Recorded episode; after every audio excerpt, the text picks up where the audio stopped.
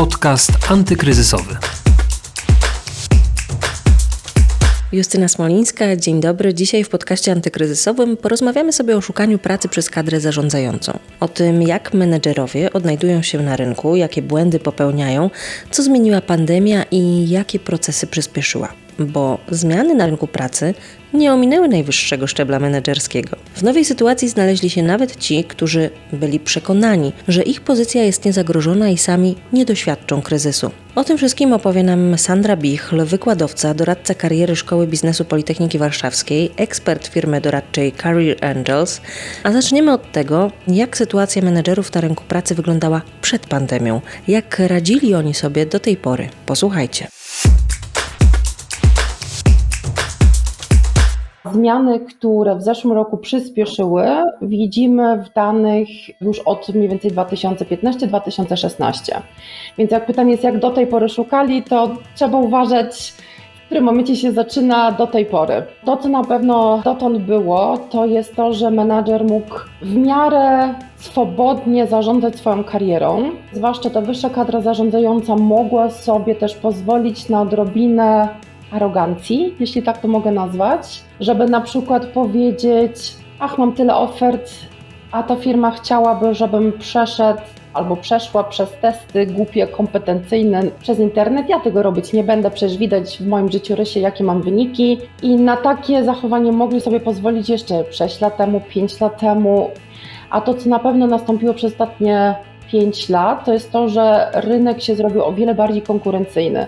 Więc na takie zachowanie, no rynek na to już nie ma tolerancji. No dobrze, a co zmieniła w takim razie pandemia? Jakie procesy przyspieszyła? To, co jest absolutnie najważniejsze, to jest fakt, że technologia wkroczyła do procesów rekrutacyjnych. To znowu było zjawiskiem, które się rozpoczął mniej więcej w 2016 roku, ale to, co chyba tak jeszcze nie wszyscy czują albo widzą, jak drastyczna to jest zmiana i których do tej pory nie do końca dotyczyło kadrę zarządzającą albo doświadczonych menedżerów, jest to, że w procesie rekrutacyjnym na początku do selekcji wkroczył tak zwany Applicant Tracking System. Więc software, który decyduje o tym, którego kandydata zaprosimy potem do rozmów. Żeby to liczbowo wyrazić, do 2015 roku zero, zero menedżerów i wyższa kadra zarządzająca znalazło pracę przez ogłoszenie, patrząc, i teraz też jest ważne nie w całej Polsce, tylko patrząc na nasze dane, które my zbieramy Career Angels, w zeszłym roku to było 26%. Więc 26% doświadczonych menedżerów i executives znalazło pracę przez ogłoszenie, co jeszcze 6-10 lat temu było nie do pomyślenia. Mówiliśmy o tym, mówiła Pani, że też menedżerowie zmieniali pracę wcześniej, dlatego że sami tego chcieli. Tak to wyglądało i mogli sobie pozwolić na arogancję, nazwijmy to, na dużą pewność siebie przynajmniej. Czy rzeczywiście było tak, że właśnie pracę zmieniali wtedy tylko kiedy sami chcieli? Że to oni decydowali? No przecież nigdy tak nie jest, że nikt nie jest zwalniany. Więc oczywiście tak też tego nie można powiedzieć, ale w zeszłym roku, umówmy się, o wiele więcej osób zostało zwolnionych z pracy i to na wszystkich szczeblach organizacji, począwszy od e, właśnie zarządu, po drugie linie frontu i middle management, więc na pewno ta liczba zwolnionych menedżerów wzrosła w porównaniu do poprzednich lat. A jak oni do tej pory szukali pracy? Do tej pory też szukali pracy przez ogłoszenia, ale bezskutecznie. I to, co się tak teraz bardzo zmieniło, że na przykład w dzisiejszych czasach menedżer albo ogóle kandydat, który szuka pracy, musi mieć dwa życiorysy. Jeden życiorys, który trzeba do każdego ogłoszenia dostosowywać, i to jest e, życiorys, który musi być łatwo wczytywany do bazy danych, i tam mhm. chodzi o słowa klucz, i trzeba za każdym razem dostosowywać, co jest absolutnym nowum. Tego wcześniej nie było. A ponieważ Kandydaci to w końcu, bym powiedziała, odkryli w zeszłym roku, doświadczeni kandydaci, przez to też wzrosła ta skuteczność aplikowania przez ogłoszenia. Ale to, co też się zmieniło w zeszłym roku, to jest bardzo ważne, już nie można tak jak do 2019 roku, kandydat mógł powiedzieć, dobrze, patrzę na skuteczność kanałów szukania pracy, to ja się skupię na dwóch kanałach. Na przykład będę się tylko kontaktować z headhunterami, z tak zwanymi executive search consultants, albo będę kontaktować się tylko bezpośrednio, bezpośrednio albo uruchomię tylko network, więc kandydat miał luksus, żeby wybrać sobie dwa kanały. W zeszłym roku przez to, jak bardzo konkurencyjny stał się rynek, kandydat, który nie chce z jednej strony wziąć pierwszą lepszą pracę, ale też chce mieć jakiś wpływ na swoją karierę, musi uruchomić wszystkie cztery kanały do szukania pracy równolegle. Tego do tej pory też tak nie było. To jak wygląda teraz rynek pracy i ile ofert dla menedżerów się pojawia? Zaczęliśmy śledzić, ile jest publikowanych ogłoszeń na LinkedInie od początku pandemii, więc od 13 tygodnia zeszłego roku. I w Polsce, na polskim LinkedInie zniknęło 22,26% ogłoszeń o pracę. To znaczy, że popyt zmalał o 38,5 tysiąca ogłoszeń. To jest piąty najgorszy wynik wśród 18 krajów, który obserwujemy od 13 tygodnia. To jest dużo. W Niemczech na przykład jest gorzej, tam jest prawie połowa ogłoszeń z LinkedIna zniknęła. Skurczenie się popytu o połowę. W Polsce jest to tylko o jedną piątą, ale to widać, e, bo to znaczy, że jest więcej kandydatów, którzy konkurują o to samo stanowisko na tym jawnym Mhm. rynku pracy. To dotyczy tylko kadry zarządzającej, kadry menedżerskiej. Nie, bo jak śledzimy ogłoszenia na internecie, na LinkedInie nie rozróżniamy wysokości stanowisk. Też z tego powodu, że bardzo często są osoby, które wrzucają ogłoszenia, źle je kategoryzują. Ogólnie pracownik, który jest poszukiwany przez LinkedIn, więc to zazwyczaj jest menedżer, specjaliści doświadczeni, kadra zarządzająca tak itd.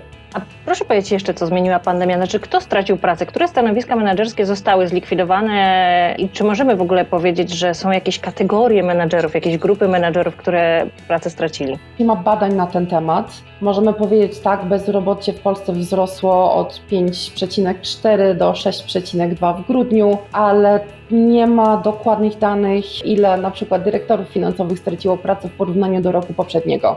To, co na pewno widzimy, że straciły pracę osoby na przykład w zarządach, którzy niewystarczająco szybko zareagowali na pandemię, albo gdzie na przykład zagraniczny headquarters uznał, że nie mają kompetencji do zarządzania kryzysem albo nie potrafią przeprowadzić restrukturyzacji albo digitalizacji. To, co na pewno też zauważyliśmy, że osoby, i to widzimy pod kątem tego, kto też z nami się kontaktuje, są to na pewno osoby, które nie szukali pracy od 10, 15, 20 latach, bo tak długo byli w jednej firmie. Niesamowite i to potem trudno chyba się odnaleźć na tym rynku. A proszę powiedzieć właśnie, jak ci menedżerowie zaczęli szukać tej pracy? W jaki sposób? Skoro nie robili tego przez 10, 15, 20 lat, to można powiedzieć, że trochę wypadli z rynku. Nawet nie troszkę. Człowiek, nawet jeśli nie był na rynku 5 lat, bo ta różnica 2015, 2020 albo 2021 jest naprawdę radykalna, mimo tego, że tak można tego nie do końca odczuć z zewnątrz, jak się na nim nie było. Nie będąc na rynku, to co się robi tak odruchowo, tak jak zawsze się robiło, no biorę mój życiorys, aktualizuję go i wysyłam go na ogłoszenie. Plus jeszcze można wysłać e, życiorys do znajomych. I na tym się zazwyczaj kończyła aktywność kandydata na rynku pracy. Ostatnio rozmawiałam z menedżerką, która szuka pracy od 8 miesięcy, ale robiła to w sposób nieskuteczny. Ona zaaplikowała do ponad 100 ogłoszeń, ale złym życiorysem, gdzie nie ma słów kluczowych, nie ten format. To był format e, życiorysu, który jest bardzo modny, dwukolumnowy, w którym można znaleźć w większości kreatorów CV, a software sobie z takim życiorysem nie radzi, więc ona od 8 miesięcy szuka, kilkaset CV wysłanych, się frustruje i de facto większość naszej rozmowy było o tym, że to nie jest feedback do jej osoby, że to nic nie ma z tym wspólnego, czy ona jest dobra, czy zła.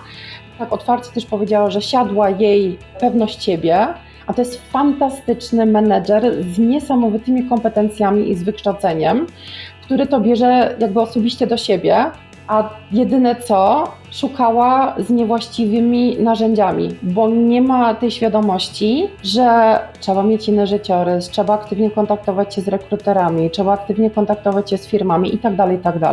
No właśnie miałam pytać, czy trudno teraz kadrze zarządzającej znaleźć pracę, ale widzę, że jest trudno. Jak to wypada średnio? Ile czasu zajmuje to menedżerom i kto ma właśnie największe problemy? Tu zawsze bardzo uważam z odpowiedzią, bo szukanie pracy zależy oczywiście od poprawności i intensywności. Więc tak jak w tym przykładzie menedżerka szuka od 8 miesięcy, z mojej perspektywy nie szukała, bo szukała źle i szukała tylko jednym kanałem. Szukając poprawnie, z odpowiednimi narzędziami, wszystko dostosowane i jak się wie, jak obecnie rynek wygląda, kadra zarządzająca w obecnych czasach szuka pracy 6 do 12 miesięcy. Wcześniej to było 3 do 6.